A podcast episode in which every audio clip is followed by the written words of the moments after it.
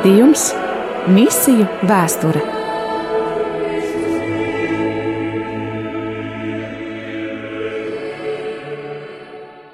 Raidījums Misiju vēsture Pūksteni 4 un 1 minūtē, otrdien, 8. oktobrī ar tevi kopā šajā stundā būšu kopā es, Judīte Ozoliņa, un tu klausītāji ar mani šeit nebūsi viens, mums ir šeit studijā viesi. Viesis jau šeit ne pirmo reizi dzirdētā misionāre, misioloģijas zinātāja un visādi citādi ļoti zinošs cilvēks par misijām Kristīna Ēce. Saka vēlreiz, Kristīna, es nebiju ieslēgusi, nebiju ieslēgusi mikrofonu. Un tepat arī uh, blakus uh, uz soliņa sēž priesteris Andris Priede, vēstures Ne, baznīcas vēstures zinātājs. Jā, sveicināti, bet neesmu liels misionārs. Neesmu bijis Eģiptē, neesmu bijis Etiopijā, neesmu bijis Irākā, Turcijā, visā šajā zemēs, kurās izaicinājumam Kristīna ir sev pakļāvusi. Jā, Kristīna tiešām ir bijusi vairāk kā 20 valstīs misijās, 20 gadu garumā, tā kā mums šeit pretī sēž cilvēks, kas zina, ko par lietu runā. Šis laiks misiju vēsture, šī stunda misiju vēstures gaismā, tā mēs šo pavadīsim, un šajā stundā mēs runāsim par tādām trim trim uh, pārlietām, ja? Kristīna. Jā. Un tās ir? Un tas ir, mēs zinu, nedaudz runāsim, nedaudz runāsim par brāļu draugiem, par hanhūtiešiem un par viņu misiju. Nedaudz runāsim par protestantu misijas trīs viļņiem. Un noslēgumā runāsim par Edinburgas misijas konferenci 1910. Mm. gadā. Jā, tā kā mēs arī dosimies kādās mūzikas pauzēs, taču pirmo, pirms pirmās mūzikas pauzes Labi, labi, mums šeit ir uh, tāda samāšanās ar rokām. Ziniet, klausītājs izklāst maz, mazliet smieklīgi, bet. Uh, Vai te mūsu raidījumu nevar redzēt arī televīzijā? Nē, televīzijā mūsu raidījumu nevar redzēt, un labi vien ir savādāk. Progresīvi. Viņi redzēt, kā mēs mājam šita viens otram un sakam, šito, šito puļķis tie, paņem tuvāk mikrofonu. Jā, mēs te tiešām izpildamies, jo šobrīd mēs studijā esam vairāk nekā parasti ierasts. Šeit ir divi mikrofoni un trīs cilvēki, un tad kā uz trīs beņķīšiem būtu jāapsēž cits viens cilvēks. Kādu ir jālikvidē? Nē. Um, nē. Bet uh, mēs pievērsīsimies, mēs pievērsīsimies hernhūtiešiem. Kristīna, vai mēs varam pievērsties hernhūtiešiem uzreiz, vai mēs sevi uh, ielaižam muzikālajā pauzē? Mēs dodamies pie hernhūtiešiem, un mikrofons tagad aizslīd pie Kristīnas, un Kristīna mums stāsta. Kristīna, kas katram latvietim, kas katram kārtīgam cilvēkam, ticīgam, ir jāzina par hernhūtiešiem? Nu, to es tūlīt izstāstīšu. Un tātad mēs sākam ar to, ka tad, tad, tad kad notiek protestantu reformācija, gan Vācijā, gan arī vēlāk Anglijā un, un, un Šveicē. Tad izrādās, ka patiesībā protestanti nemaz nav īsti gatavi doties misijā. Ei, nu. Un pa apmēram kaut kādus 200 gadus protestanti misijā nedodas nekur. Un pēc tam līdz ar to nāk šie um, hanhūtieši, un viņi ir, kāpēc mums par viņiem ir jāzina, jāzina, ir tāpēc, ka tie ir viņi, uh, kas uzsāk protestantu misijas kustību. Un tā tad, kas tad ir hanhūtieši? Vācijā dzīvoja grāfs Nikolais from Cincendorfs, un pie viņa ieradās bēgļi, kristieši no senās Morāvijas baznīcas, un viņi tika vajāti, un grāfs Cincendorfs vienkārši viņiem iedeva vietu, kur mājot. Vieta saucās Hanhūte. Ja Tātad tas ir patvērums. Nu, no, nosaukums kāds konkrēts. Jā, Hanhūta ir vieta, tā kunga patvērums. Tas nosaukums jau ir bijis pirms tam, vai arī grafs uh, Cincendorfs šo vietu speciāli tā arī pārsauca, lai bēgļi, uh, kristiešu bēgļus uzsvēršu, varētu labi justies viņa īpašumos. Manuprāt, tā vieta tika nodibināta no jauna, jo tas Aha. bija daļa no viņa īpašumiem, bet tā pilsēta un vieta tika izveidota pilnīgi no jauna. Es domāju, tāpēc arī šis nosaukums radās pilnīgi Apzināt. no jauna. Jā. Jā, nu, lūk, un tā tad e, tā bija samērā maza kopiena. Viņi nebūtu nepretendēja ne uz kādu lielu baznīcu vai oficiālu kaut kādu misijas kustību, bet e, tāpēc, ka viņi sekoja šim senajam morāviešu principam un lika uzsvaru uz Dievu kā, un uz Kristu kā Dieva jēru, un tātad, caur ko katrs cilvēks tiek pestīts. Līdz ar to uh, svētais gars darbojās caur viņiem, viņi ļoti daudz lūdza, lūdza Dievu, Dievu žēlastību. Uh, viņiem bija lūkšanu sapulce, nepārtraukta lūkšanu sapulce vairāk kā simts gadus. 24, pārtraukuma. bez pārtraukuma, 24, 7, vairāk kā simts gadus. Un tas līdz ar to veicināja uh, misijas darbu izplatīšanos. Atmoda sākās 1727. gadā. Un līdz ar to tad viņi kļūst dedzīgi dieva darbā, viņi sāk sludināt apkārtējiem kaimiņiem un ir gatavi doties un nest evaņģēlī līdz pat pasaules galiem, tā kā tas uh, Bībelē ir rakstīts. rakstīts, Tieši tā. Un um, bija vietas, kur viņi varēja doties kā misionāri, un bija vietas, kur viņi nu, nevarēja doties kā misionāri. Un bija pat kādi brāļi, kas bija ļoti dedzīgi, kas pārdeva sevi verdzībā, Jā. lai varētu pasludināt evaņģēliju um, tām tautām, tiem cilvēkiem tajās vietās, kur nekā savādāk nebija iespējams doties. Kā piemēram, viņi devās uz Svēto Tomasu salu, Rietumindijas salās, vēlāk arī uz Grenlandi, um, tāpat tās devās arī uz Arktiku, Alžīriju, Ķīnu, Persiju, Etiopiju. Uh, radās iespējas misijas darbam Surinamā, Rietumāfrikā, Dienvidāfrikā, Ziemeļamerikā. Tātad ļoti, ļoti plašs diapazons no vienas mazas, mazas draudzītes šodienas Vācijas teritorijā. Jā, es piebildīšu, eh, šī ideja par nepārtrauktu pielūgsmi, tā, protams, nav kaut kas absolūti jauns. Mēs paskatāmies senaustru, senajās austrumu baznīcās, ir klosteri, kuros ir nepārtraukta psalmu dziedāšana, nu, un beigu beigās mums jau Rīgā arī tālu nav jāmeklē, ir tā saucamā adorācijas kapela, un rārzi studenti un studentes regulāri cit citam raksta klausies, nav nosakta nakts lūkšana, nu, nu tur līdz 12, varbūt līdz vieniem, visiem patīk adorēt, bet, teiksim, kaut kādos 4, 5, nu, tas ir tāds e, grūtāks laiks. Bet tā ir fantastiska parādība, ka e, morāvieši, kuri varbūt nepētīja baznīcas vēsturi un kuri nesalīdzināja, nu, kādas ir citu konfesiju, jo tajā brīdī varbūt tas ekumēnisms vēl mums ir bērnu autiņos, citu konfesiju pieredze, ka viņi paši svētā gara iedvesmā nonāca līdz tam, kā identiskā pie apustuļa Pāvila Antiohijas baznīcā ir draudze, kas lūdzās. Un šis apustulisko laiku misiju modelis, kad tā tad tu lūdzies un tad dzimst eh, tie, eh, to, to cilvēku aicinājums, kurus Dievs ir eh, izredzējis šim uzdevumam, ka nu, viņu vidū tas izveidojās. Un otra lieta, kas man likās ārkārtīgi simpātiska, atkal nekas jauns. Eh, Tā ir eh, sevis pārdošana vai ieķīlāšana. Eh, Mēs skatāmies Jā, tieši tā. 13. gadsimtā.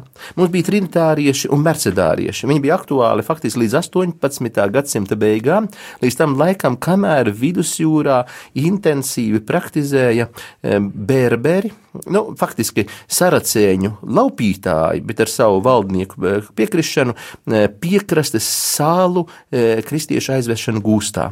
Un pēc tam lai viņus izpirktu, Tādi bija divas eh, kongregācijas, kas tieši bija specializējušies.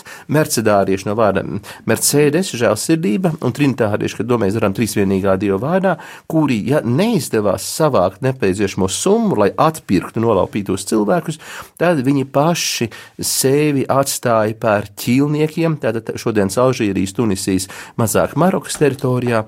Nu, tā bija tāda sērga līdz 18. gadsimtam viens, viena, viens laupīšanas karagājiens līdz Islandei, pēc kura Dānijas karalis, kas tajā laikā līdz otrajam pasaules, karalim, pār, otrajam pasaules karam pārzināja Islandi, ka Dānijas karalis pat pārdomāja lēmumu deportēt uz Dāniju tos pēdējos palikušos islandiešus. Jā.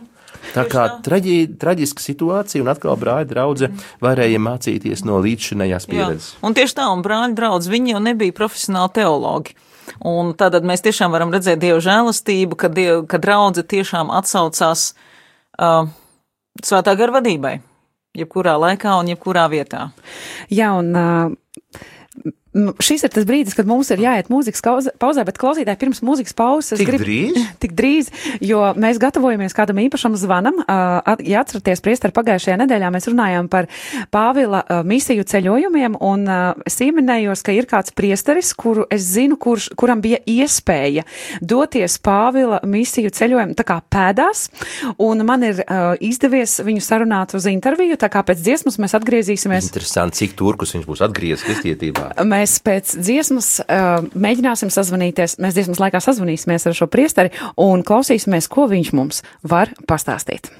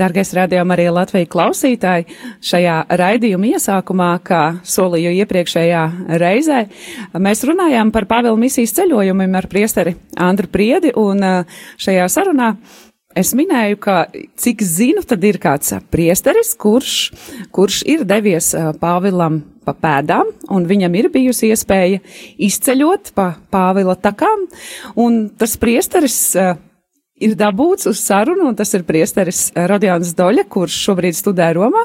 Paldies, priester, ka varējāt mums veltīt šo brīdi mūsu klausītājiem un mums, un par šo brīnišķīgo piedzīvojumu. Es gribu cerēt, ka tāds tas tiešām arī ir bijis. Pastāstīt mums, priesteri, kā tas gadījās, ka jums bija iespēja nonākt šajās Pāvila ceļojuma takās, un jā, kā tas bija, kur jūs bijāt un kas bija tās īpašās lietas un vietas, ko jūs piedzīvojāt? Jā, labdien, darbie rādījumā arī klausītāji, labrīt arī Judīt.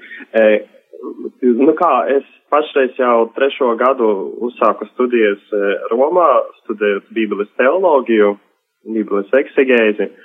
Šīs mācības ir tādas, kā, nu, tas nav tikai biblioteka un uh, un e, lektorijos e, jāmācās, bet arī, tā kā mēs runājam par dzīvo vēsturi, par pēctišanas vēsturi, tad, e, nu, mums jāpieskaras arī tām vietām, kur tā svētā vēsture notika.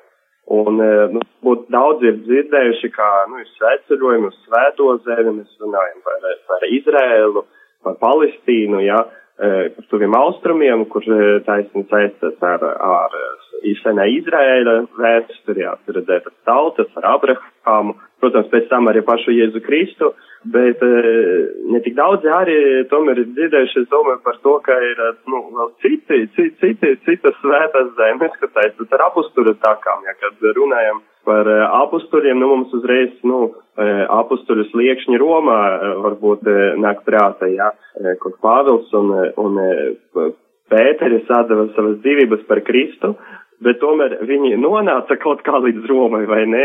Nu, Pētera ceļš bija īsāks līdz Romai, bet Pāvilam ceļš, Pāvils, kurš izgājis, jā, taisnīgi sludināt pagāniem pēc Jeruzalemes koncila, tā vienošanas, par ko, par ko lasam apusturu darbos, viņš, jā, devas apustuļiskos ceļojumus, un, nu, ja mēs tā savas bībeles tā skatāmies, katrs gan visās bībeles ieliek beigās, tās divas kartes, jā, viena ir kā teicu, tā, tā reģiona tās, kā izceļošana notika no Eģiptes, jā, kā Abrahams ceļoja, un otrā kārta vienmēr ir ar Pāvila ceļojumiem, kas man, nu, daudz ko neizsacīja savu laiku, jā, bet, nu, tagad man ir bijusi iespēja studēt šeit Romā Gregoru universitāte, piedalīties universitātes organizētajā studiju braucienā.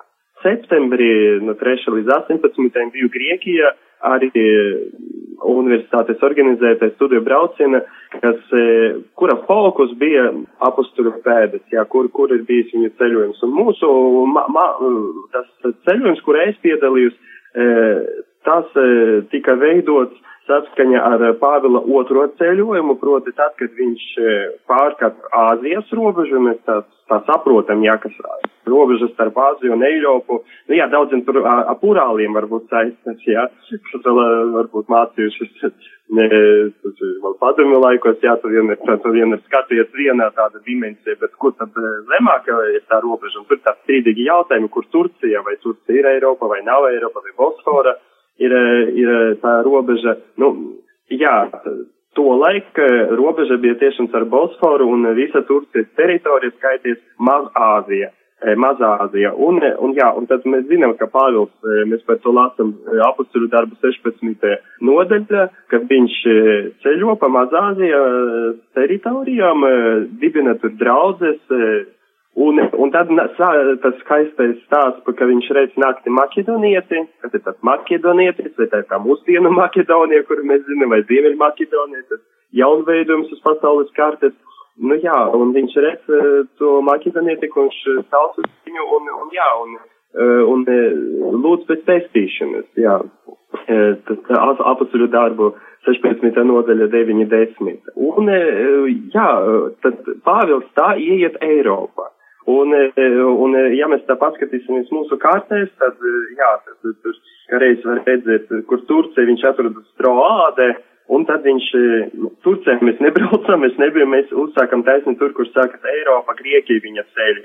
Un tā ir pirmā pilsētiņa, tad ja mēs te paskatīsimies, tā, tā gan gar divām salām, samotrākie, un tad, kur, kur mēs varbūt esam dzirdējuši par samotrākie snīki, taisni, to, kas Luvrā tagad glabēs, meistars darbs, antikas mākslas, Un tad ir Neapole, Neapole, Filipi, Tesalonika, varbūt Tesalonika, varbūt kādam daudz kaut ko izsaka, Salonika, tā ir tā otra lielākā pilsēta, Grieķija, Pēro, un tad tā uz leju, uz leju, uz leju, un tad ir Atēns, tad eh, Korinte un Kenhē, un tad viņš izbrauc ārā eh, no, no, no Eiropas atpakaļ uz Mazāziju. Tā, tā skatīdamies, nu, daudz neko neizsaka, un ja paskatīties arī un palasīt apustuļu darbus, tad tur arī tāds, tā kā tāds, nu, Mēs zinām, ka viņš ienākot tikko, jā, Neapoli, tur nokristas Līdija, tad viņš tālāk uz Tesalonikiem, no Tesalonikiem viņu pārzina jūdi, viņš dodas uz Vēro, tā tā uz priekšu. Un, bet kā tur aizbrauc, kad tu redzi tos lielumus, mazumus, cik tas viss bija attīstīts, tu tiešām saprast, kā, kas, kas, kas tas ir bijis, kas tā bijusi Neapoli. Neapoli bijusi pilsēta, kur taisni sākas lielceļš sākat lielceļš, jo mēs zinām, ka no Romas, jā, visi ceļi ved uz Romu, tad e, nav tā, tā vien pateikts, jā, bet e, ce, Romas impērija, kāpēc bija tik spēcīga, tik varena, tāpēc, ka romieši cēla ceļus. Cēla ceļus pirmkārt militāram vajadzībam, lai izplatītu savu varu, un e, tad otra, otršķirīga nozīme bija arī tirzniecība un kulturālu sakaru attīstīšana, attīstība. Un es domāju, ir dzirdēts, ka no Romas veda tā saukta Via Apja, kas aizvien atbrauc uz Romu, tad var redzēt Via Apja Nova, es tu pat, nu, pat, tur, te pat dzīvoju netālu un pat jaunas Via Apja, kas ved tieši uz dienvidiem, uz tām dienvidu ostām, kas jau at, atvēra ceļu uz vidusjūru. Un Vija apie, taisn, tā ir tā, kur, kur jā, pa kuru iebrauca kādreiz Roma apustuļi, jā, kur tas slavenais, kas ir lasījuši Sinkeviča romānu, jā, ko vādis, taisnība Vija apie notika. Un Vija apie šķērso visu dienvidu Itāliju, tad bari pilsētiņi. Un bari pilsētiņa bija ostā, tas ir austrumu puse, uz, uz Mazāziju, uz, uz Turcijas pusi, uz Grieķijas pusi. Un bet tas ceļš turpinājas, jūras ceļš, un tad, kad atkal nonākam sauszemē, tad tur ir otrais ceļš. Un otrais ceļš imperatora Egnata vai Ignata laika uzcelt tā saukta Via Ignācija, Via Ignācija, kas šķērso visu Ziemeļgrieķijas mūsu, jā, mēs varētu teikt tā, tagad tā šķērso gan, gan Alba, sākas Albānija, tad šķērso Makedoniju, tad šķērso Grieķiju, un tad, jā, beidzas Grieķija, taisnība tā ir Neapolis pilsētiņa.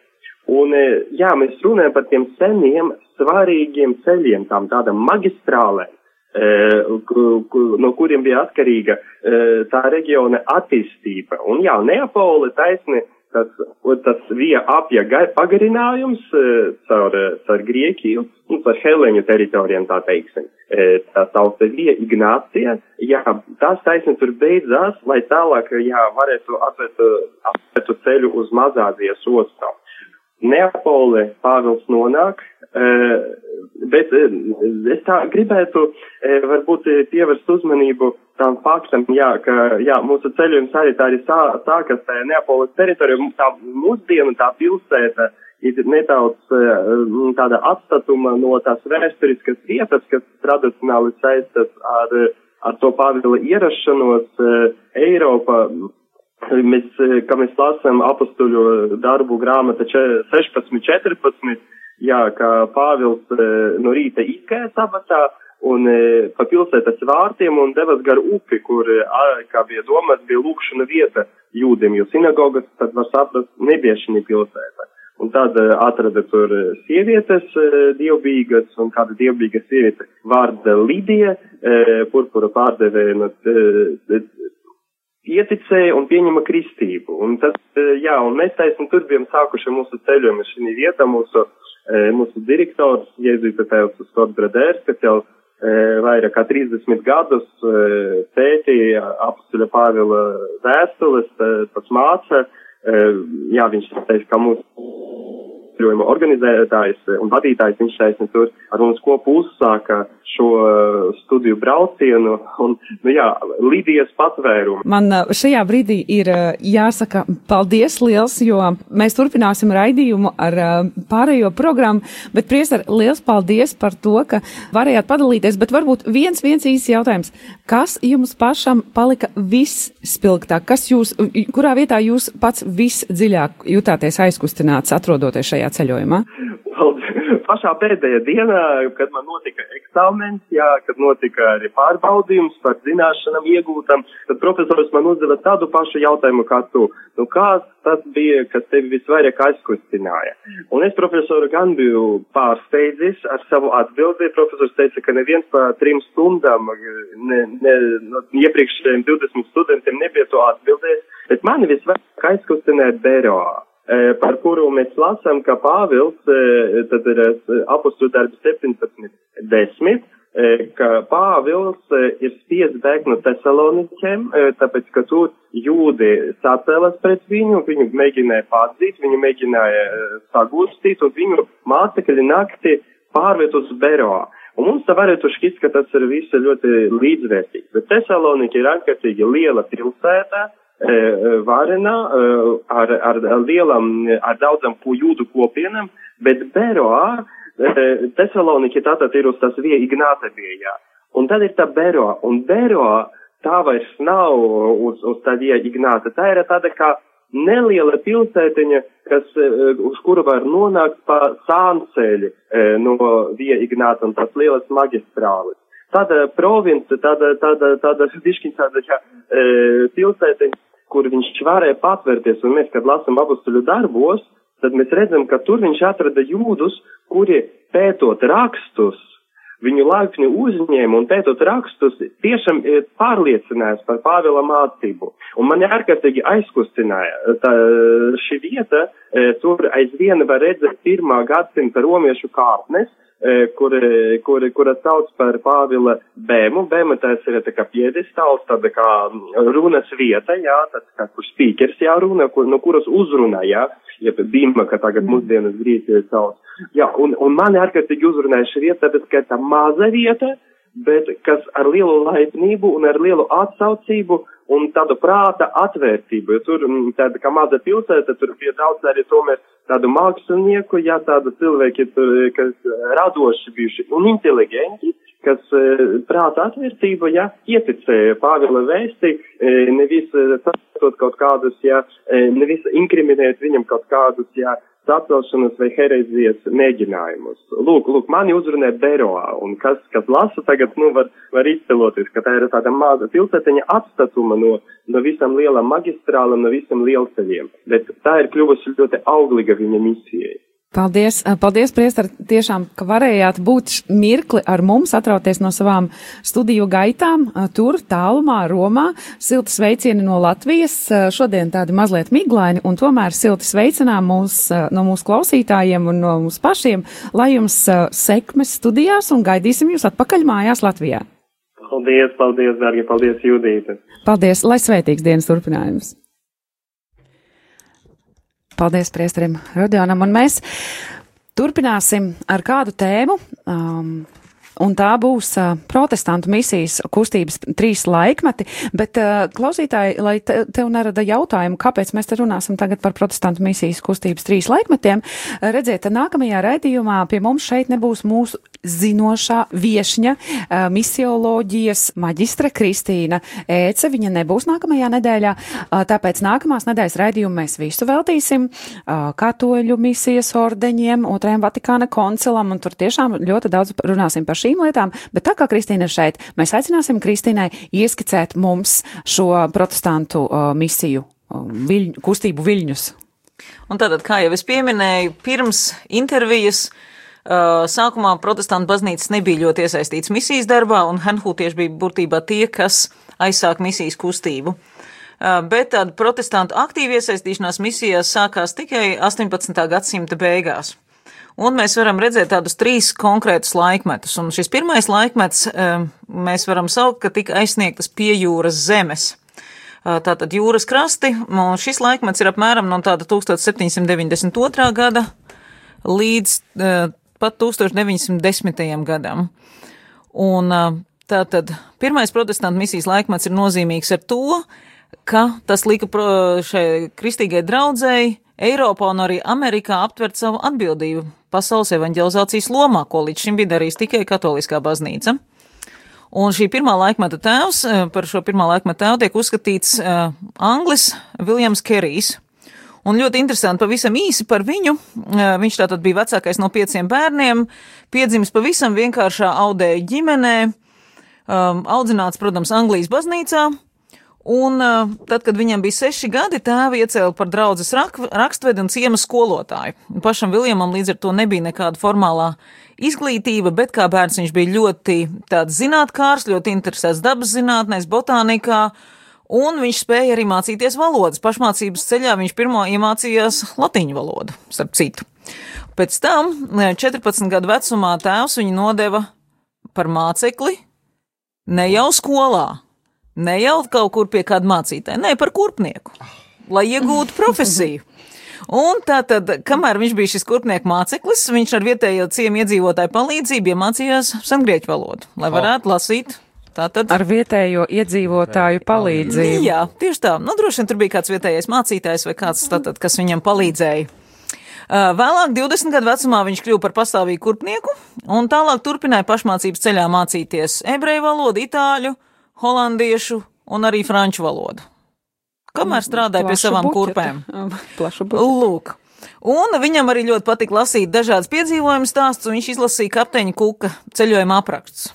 Mhm. Un tajā laikā Kuk, Kerijam nedēļa mieru jautājums, jo Kuks aprakstīja daudz dažādas tautas, ko viņš bija redzējis, kultūru, bet, viņš, bet viņam interesēja jautājums, vai tad šie cilvēki seko Kristum? Nu, protams, ka nē. Un tad viņš kādā mācītāja sanāksmē esot prasījis citiem mācītājiem, vai tad Eiropas kristiešiem nevajadzētu evaņģēlī nest šīm tikko atklātajām tautām. Uz ko kāds vecāks mācītājs esot atteicis. Mēs, protams, nevaram zināt, vai tas tiešām tā notika, bet vismaz tā leģenda stāsta. Jaunais cilvēks, apsēdieties! Jūs esat entuziasts. Ja dievam lapa tiks izglābt pagānus, viņš to izdarīs bez tavas vai manas palīdzības. Protams, man, mums ir jāsaprot tas laikmets, mēs nedrīkstam pārsteigties, mēs nedrīkstam notiesāt šo veco mācītāju. Uh, bet uh, tā tad Kerijs tiešām apsēdās un sāka rakstīt.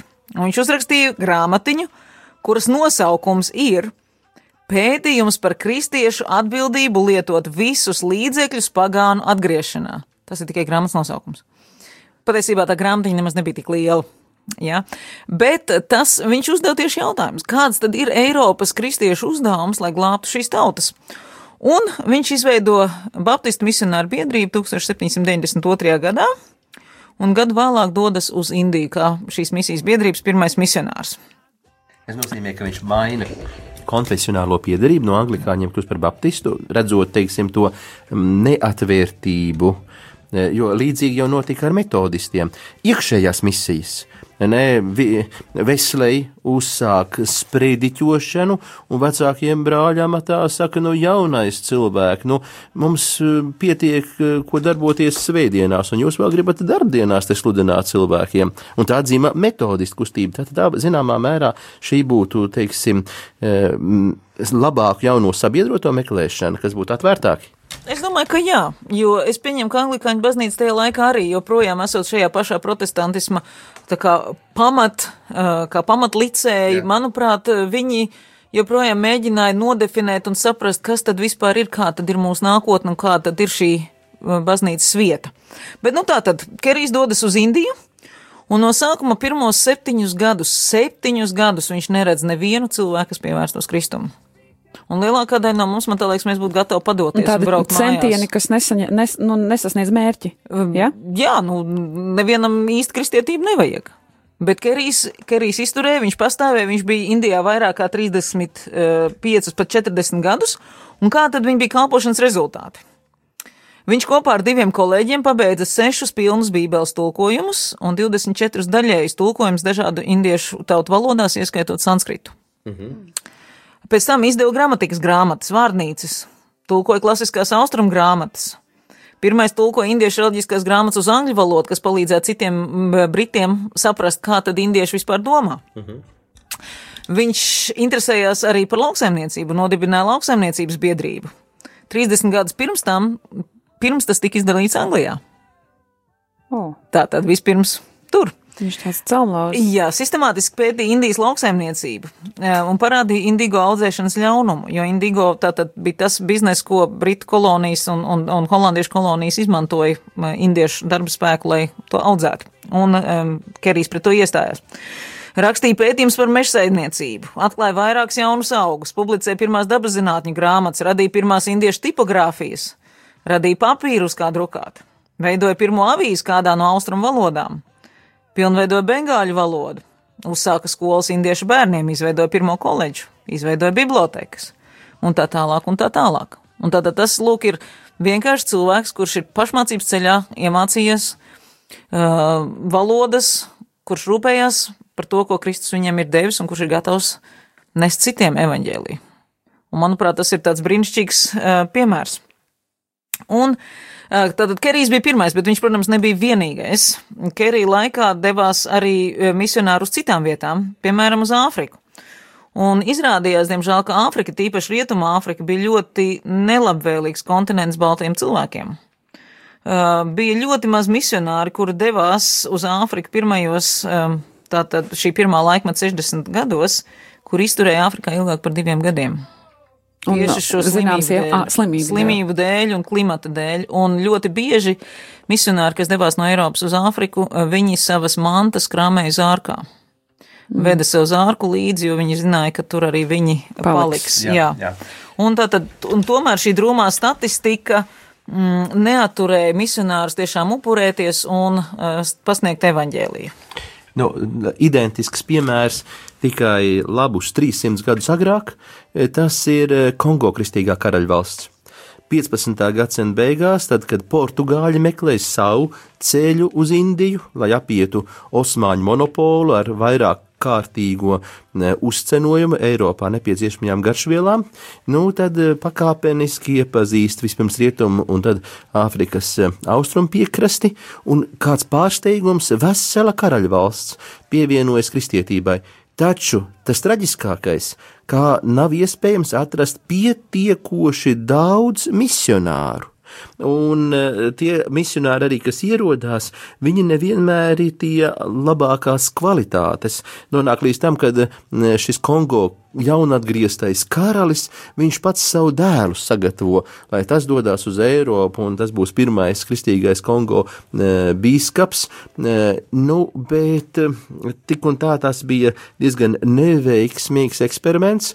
E, pat jezuītiem Kongo īsti nepaveicās, un ja tie, kas visvairāk, vislielāko entuziasmu izrādīja jezuīti, e, un pēc viņiem nāca e, kapucīni, tad, e, tad mēdz teikt, ka Kongo ir lielākā lielākās kapuciņu kapenes pasaulē. Īpaši, eh, ja nu vēl mezuīt kaut kā mēģināja Eiropiešu dzīvesveidu eh, klimatiskajos apstākļos saglabāt, tad, nu, Svētā Franciska bērniem viņiem bija aicinājums pilnībā inkulturēties, staigāt arī, eh, starp citu, atbilstoši viņi regulāja ar basām kājām vai vismaz zandalēm, un tādā veidā, ejot cauri džungļiem, nepasargāties no indīgo čūsku cēlieniem un tam līdzīgi. Tāda identiska pieredze tikai pāris gadsimtus vēlāk, un tad, kad sākās protestantu misijas, Kongo karaļvalsts jau bija pazaudējusi, teiksim, savu misionāro deksmi. Nu jā, tieši tā, un tas, es domāju, tas būs tas, par ko jūs runāsiet arī nākošajā otrdienā, kad tieši vairāk jūs runāsiet par katoļu misiju, un tad arī būs vairāk šie šie piemēri, vai ne, un par šo upurēšanos un paralēlus. Tieši tā. Un vēl, ja mēs skatāmies pie šī pirmā laikmeta, tātad tika izveidot samērā progresīva misijas stratēģija. Nu. Un tātad šie četri eh, posmi, ja, Pirmai, pirmais nāk misionārs, un es domāju, atkal droši vien katoļu misijā tas arī jau notika pirms tam, bet tātad pirmais posms celmlauzes ierodās misionārs vai misionāra komanda, uh, izveido pirmo kontaktu ar tautu, uh, pasludina evaņģēliju, un tātad šiem pirmajiem celmlaužiem, protams, bija vajadzīgas uh, vadītāju prasmes, uh, prasmes apgūt valodas, un uh, misionāram bija ļoti daudz jādara pašiem.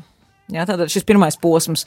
Bet, protams, tā tas nevar palikt. Un nāk otrais posms, kad misionārs kļūst tā kā, kā vecākā tētis un māma, kur apmāca jau vietējos vadītājus. Ja, protams, lai draudz veidotos tur uz vietas vietējā kultūrā, protams, ir jāapmāca vietējie vadītāji. Līdz ar to misionāram ir nepieciešama mācīšanas dāvana. Un jaunā draudze ir kāda tā kā augoša bērna attiecībās ar saviem vecākiem misionāriem. Un tad nāk trešais posms, ka šī jaunā draudzene ir, ir kā partneris misionāriem un šai tā kā vecajai draudzēji, ja baznīcai, kas ir sūtījis misionārus. Un tad, tad ir nepieciešama šī pāreja no vecāku bērnu attiecībām uz pieaugušo savstarpējām attiecībām, kas, diemžēl, ja mēs paskatāmies misijas vēsturē, nevienmēr labi veicās. Un mēs Rādījuma beigās arī runāsim par Edinburgas konferenci, kur arī šis bija viens no tādiem lielākiem pārmetumiem, ko jaunās draudzes pārmeta vecajai Eiropai un Amerikai vecajām draudzēm, ka tomēr neveidojās šīs partneru attiecības, bet joprojām paliek tikai šajās vecāku un bērnu attiecībās. Mm -hmm. Bet pats, tā teikt, pats vēlamais bija tas, ka izveidojas šis ceturtais posms, kur šī jaunā draudz ir kā dalībnieks. Un ārzemnieki piedalās tikai tad, ja viņiem palūdz kādu palīdzību, bet patiesībā draudz ir pilnīgi nobriedus, un draudze jau pati uh, meklē misijas darbas iespējas un dodas uh, misionāt uh, tālāk uz priekšu citās tautās, kur viņi, uh, teiksim, saviem kaimiņiem. Un šī stratēģija tātad bija diezgan, diezgan, diezgan labi, saprotu, ka diezgan labi darbojās. Un, bet šis process sākumā bija ļoti lēns, jo, protams, katrs misionārs, kas devās, tas bija priekš protestantiem, ir īpaši tas bija kaut kas jauns, um, nebija ļoti liels atbalsts un uh, tā tad sarežģīti, bet tā tad augļi bija redzami un uh, tā tad risinājās uz priekšu. Bet uh, tad nāca kāds jauns cilvēks, viņu sauc Hudsons Taylors, un viņš uzdeva jautājumu, paga, paga, nu, tuvākie krasti jau ir tā kā noevaņģelizēti, mums ir jāiet tālāk, mums ir jāiet tālāk, un mēs šo otro misijas laikmetu saucam par iekšzemes misiju laikmetu, un, un, un tas pa, nedaudz pārklājās ar šo pirmo laikmetu. Mēs varētu teikt no 1865. līdz pat kādam 1980. gadam. Un uh, Hudsons Taylors, tad uh, viņš arī pētīja, tāpat kā Kerijs, viņam arī interesēja visādas geogrāfijas, jauni apraksti, statistikas, un uh, viņš redzēja, ka Ķīnā dzīvo ļoti, ļoti daudzas tautas, un, un viņas ir, visas ir neaizsniegtas, bet misionāri ne, nebija gājuši nekur tālāk. Un līdz ar to uh, Hudsons Taylors sajūt, ka tā ir viņa atbildība, un viņš izaicināja arī vēl citus cilvēkus braukt viņam līdzi. Protams, arī tātad atkal droši vien tas ietvertu upuri, iespēja, ka viņi nekad neatgriezīsies vairs mājās. Uh, bet uh, vēl viena pieeja, atkal tātad aizņemoties idejas droši vien no, no, no senajiem, senajiem misionāriem, no katoļu ordeņiem, uh, Hudsons Taylors izdomāja, ka ir jāsaprot vietējo cilvēku kultūru. Ja līdz tam laikam misionāri devās un joprojām saglabāja savas britu tradīcijas vai, vai vēlāk amerikāņu tradīcijas, uh, ko mēs, piemēram, arī vēl šodien redzam Āfrikā, Āfrikā kārtīgam mācītājam svētdienas dievkalpojumā ir jābūt uzvalkā un vestē un kraklā ar garām piedurknēm. Kāpēc? Tāpēc, ka tā bija pirmie misionāri briti, kas ieradās, vienalga kaut arī klimats ir plus 40 un plus 50 grādu karstums, tāpēc, ka briti misionāri bija tā ģērbušies, tāpat arī, eh, līdz ar to tas ir tas svētums, tāds ir svētums. Jā, bet tas, ka tas ir Britiem vienkārši tas pieņemamais, mēs kādus mēs redzam Britus, jā, apkuklītais un, un, un uzvalkā. Un, jā. Un ne jau tikai Briti, piemēram, Tanzānija, tur ir tik skaisti safotografē Lutāņu draudus piedarīgos, kur ierodās uz dievkalpojumiem ar katliņiem. Tā kā ir strādājis viņu vācu misionārs laikā, kad Austrumāfrika bija līdz Pirmajam pasaules karam Vācijas kolonija. Un baudādainie iedzīvotāji viņi joprojām uz svētdienas dievkalpojumu, varbūt visu ceļu viņi nenes to katliņu, bet nu pie baznīcas gan uzliek Jā, tieši tā. Un līdz ar to Hudsons Taylors teica, nē, nē, mums ir jāsaprot vietējā kultūra. Un Hudsons Taylors lik, gan pats, gan arī viņa, viņa tie misionāri, kas viņam sekoja, viņi visi ģērbās ķīniešu apģērbā. Uh mhm. -huh. Kas ķīniešiem bija ļoti saprotami un ļoti pieņemami, bet priekš pārējiem britiem, priekš pārējiem, teiksim, misijas biedrībām tas bija pilnīgi nepieņemami. Un Hudsons Taylors tika tik uzskatīts, ka tāds, nu, nemiernieks, kā nemiera cēlājs, jā. Bet tātad viņš, viņam, tātad viņam bija jauns redzējums, tātad doties, tātad pie visneaizsniegtākajām tautām, un viņš nodibināja Ķīnas iekšzemes misiju.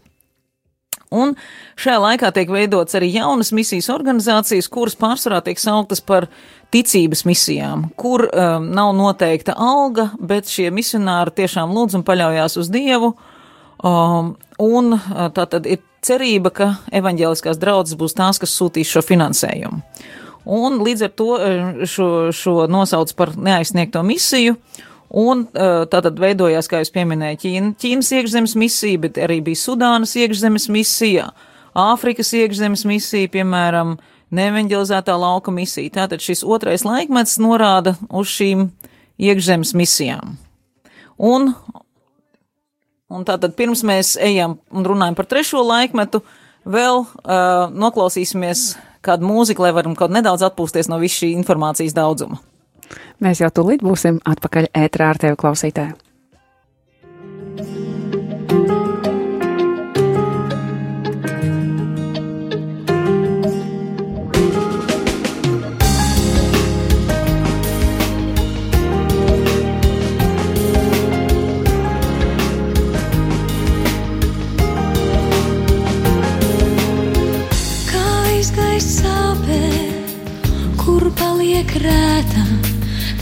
Tavas rokas to skār.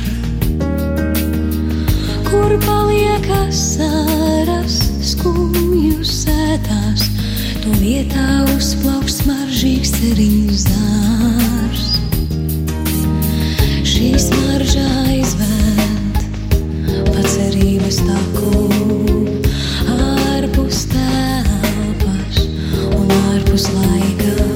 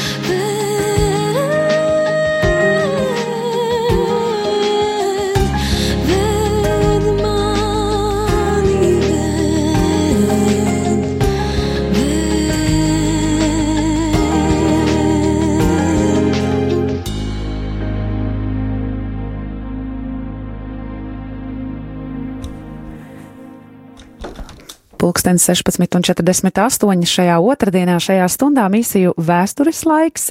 Līdz pat oktobra beigām šajā laikā mēs šeit tiksimies un runāsim par misiju vēsturēm. Pirms dziesmas mēs dzirdējām uh, Kristīnu stāstam par protestantu misiju.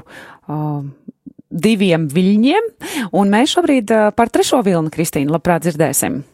Un tā tad, jā, trešais vilnis. E, Mēs varam teikt, ka tās ir runa par apslēptajām un neaizsniegtajām tautām. Jo būtībā iekšzemes misijas pamazām, pamazām aizgāja un aizsniedza, nu, vismaz geogrāfiski gandrīz visas tautas. Un šo trešo laikmetu aizsāk divi jauni studenti, kas bija brīvprātīgie šajā otrajā laikmetā.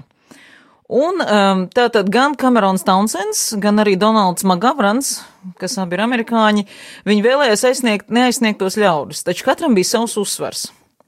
Kamerons Townsends vēlējās pārvarēt valodas barjeras. Ja Townsends bija misionārs Gvatemalā, viņš ceļoja no ciemata uz ciematu, mēģinādams izplatīt bībeli un, un, un citus rakstus spāņu valodā.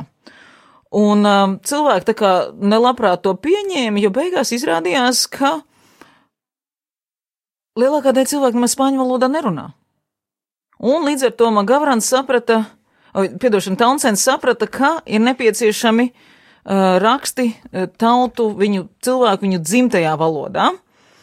Un uh, vislielāko pārliecību viņš ieguva, ka kāds indiāns viņam esot pajautājis, ja tavs dievs ir tik gudrs, kādēļ tad viņš nevar runāt mūsu valodā? Un līdz ar to Taunsens nodibināja vienu no lielākajām misijas organizācijām, kas ir šodien uh, Viklif Bībeles tulkotāji. Tieši šīs, šīs pieredzes dēļ. Un tomēr, kamēr Taunsens apvēra Gvatemalas valodas barjeras, eh, Donalds Magavrans uh, redzēja, cik liels sociālās barjeras pastāv Indijā, jo mēs zinām, ka tur ir daudz dažādas tautas, bet ir arī šī kastu sistēma.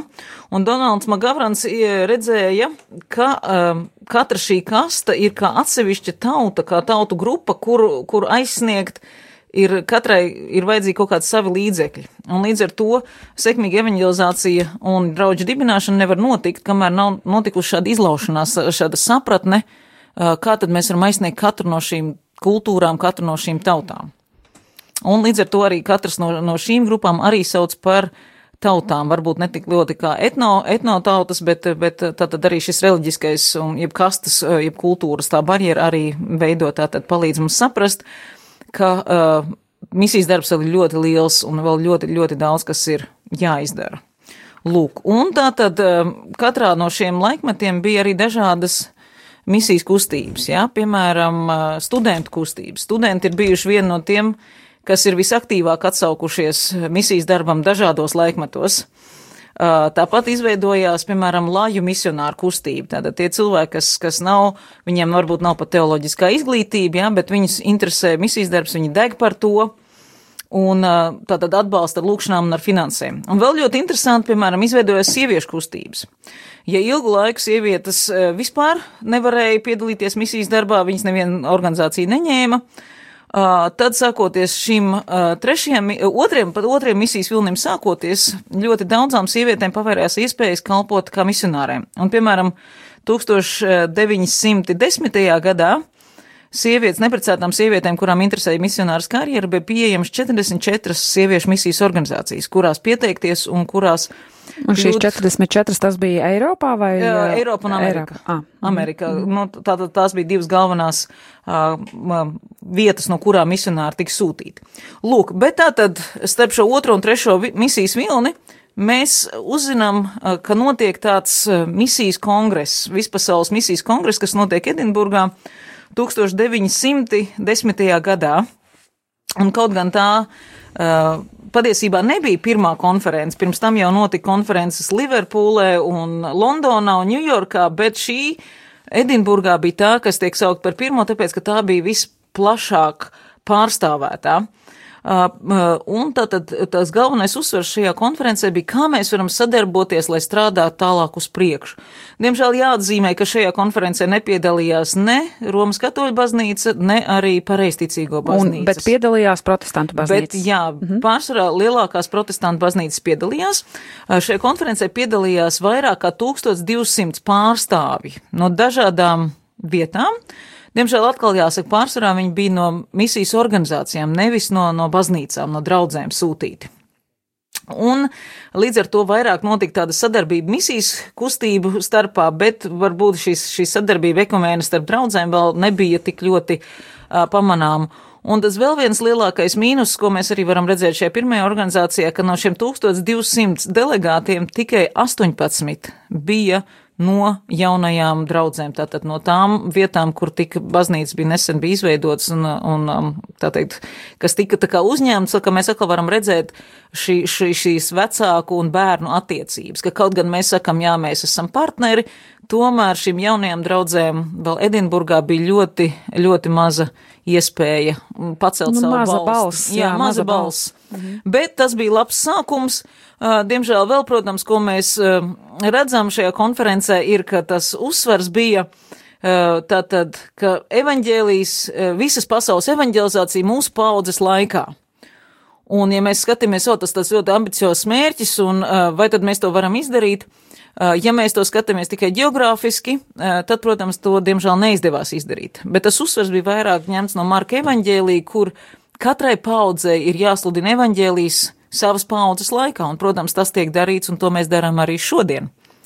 Uh, bet, uh, protams, 1910. gadā visa pasaule izskatījās, ka būs rožaini, ka mēs iesim, mēs darīsim, mēs aizsniegsim pasauli kristumu, bet tad nāca Pirmais pasaules karš, pēc tam Otrais pasaules karš, un tad jau uh, vēsturiskā situācija mainās, un, bet par to, kā tad uh, misijas darbs attīstās mm, pagājušā gadsimta 80. un 90. gados, un kādas ir iespējas šodien, par to mēs Nu, Tas mums runāsim. Būs vēl priekšā. Tas Tieši vēl tā. priekšā ir. Tā kā tas ir pamazām vēstures ieskatam šoreiz. Jā, paldies, Kristīna. Jāsaka, tiešām šeit mēs, mēs varējām ieskatīties šajā misiju, misiju darbā, kā tas ir um, protestantu, protestantu vidē. Un, un, un, paldies, tev, Kristīna, par to, bet, bet uh, priestari, jūs esat šeit nākamajā reizē, nākamajā nedēļā, nākamajā Nu, otrdienā mikrofons būs nebiedējiet pilnībā, pilnībā jūsu, jūsu rīcībā. Es ar lielāko prieku to atvēlu Kristīnai. Jo cilvēku, kuram ir personīgā pieredze, tad viņš tomēr par šo lietu var runāt, teiksim, no tādas personīgās perspektīvas. Redzot, ka, nu, nevar iet uz priekšu tikai paņemt tagad bībeli, un kā arhibīskaps Vanaks saka, un pa galvu, un pa galvu, atgriezīsies vai nē. Nu, varbūt šādas metodas arī kādam strādā, bet mēs tomēr paskatīsimies, kas ir darīts pirms mums, un, uh, un tomēr katrai paudzei ir savā laikā uh, jādara šis misijas darbs, un to mēs arī tad darīsim. Nākamajā reizē paskatīsimies, kā mūsu priekšgājēji to visu, kā tas ir iesācies. Mēs pa parunāsim par katoļu misijas ordeņiem, mēs parunāsim par Otro Vatikānu koncilu. Droši par pirmo, otro Vatikānu koncilu, varbūt pat par trešo. Labi, Uh, pulkstens ir jau tūlīt, tūlīt piec pēcpusdienā. Liels paldies, Kristīna, ka šodien esi, ka biji ar mums. Paldies, prieks būt šeit. Paldies, priesteri, ka jūs esat ar mums, ka jūs atnācāt un uh, arī esat apsolījis un devis savu jaunu vārdu. uzzināju. devis savu vārdu nākamajai nedēļai. Ar jums biju arī kopā es. Ah, jā, tas bija priesteris Andris Prieda. Uh, jau tik pašsaprotami, ka, ka liekas, ka visi jau to zina. Ne, priesteris Andris Prieda, baznīcas vēstures doktors. Un kas bija mūsu namamāte? Un nama māte šeit es uzņēmu Judīta Ozoliņa, mūsu viesus, un aicinu arī tevi, klausītāji, kad nu ir laiks, slēdz iekšā nākam otrdien ap četriem, un nāc arī pie mums šeit uz Vai, es studiju, domāju, vienmēr esi laipni aicināts. Pateiksiet, un kad nu sanāk, pērciet biļeti un dodaties misijās. Jā, to noteikti arī varēs darīt, bet par to mēs, starp citu, draugi, es gribu tā teikt, parunāsim pēdējā raidījumā, 29. oktobrī, kur tad pirkt biļetes vai nepirkt biļetes, vai, vai aut kājas un doties ārā no mājas. Uh, lai tev, klausītāji, ir tiešām patīkams dienas uh, otra puse šī pievakara, lai svētīgi ir uh, šīs dienas darba augļi. Mums šeit tāds mazliet nenopietns noskaņojums, bet kāpēc gan ne? Ir taču otrdiena. Kāpēc neiet pretī nedēļas vidum ar tādu priekpilnu Dievs noskaņojumu? mīl priecīgus misionārus. Dievs vēl priecīgos, lai jums skaista diena!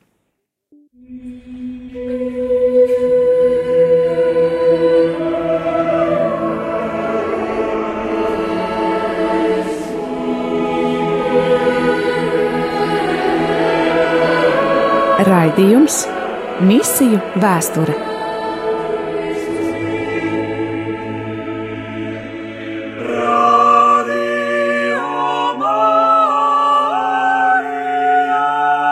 Radio Marija Latvija